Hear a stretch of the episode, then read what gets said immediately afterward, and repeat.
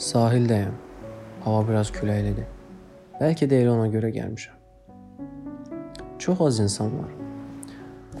Uzaqda telegüllə buludların içində gözdən itir. Dənizdəki dalğaların səsi gəlir qulağıma.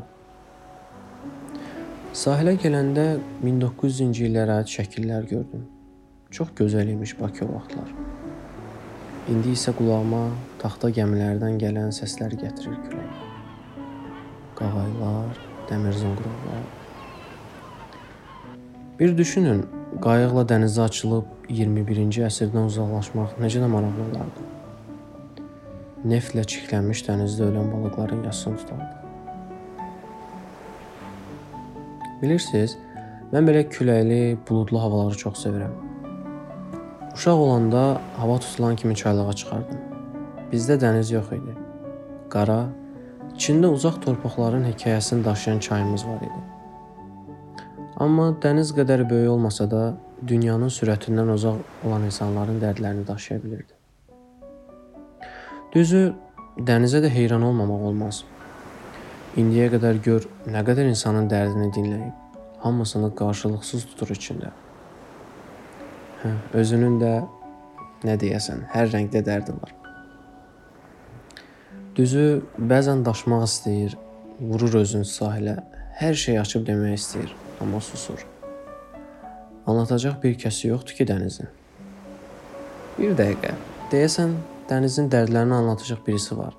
Hə, var, qağayı. Ha, unutmuşam. Axı qağayı Ağbiraya aşiq olub. Hər nəysə. Anları hekayələrə çevirməyi sevirəm. Məsələn, indiki dövrdə anları hekayəyə çevirəcək çox üsul var. Amma ən köhnəsi heç dəyişmir. Bilmirəm, yazmaq fərqlidir. Əgər yazdıqlarını biri oxuyursa, səninlə eyni hissləri keçirirsə, o daha da fərqlidir. Əslində bu gün Elə də xüsusi bir gün deyil. Yeni universitetə getmişdim. İşə getmişdim.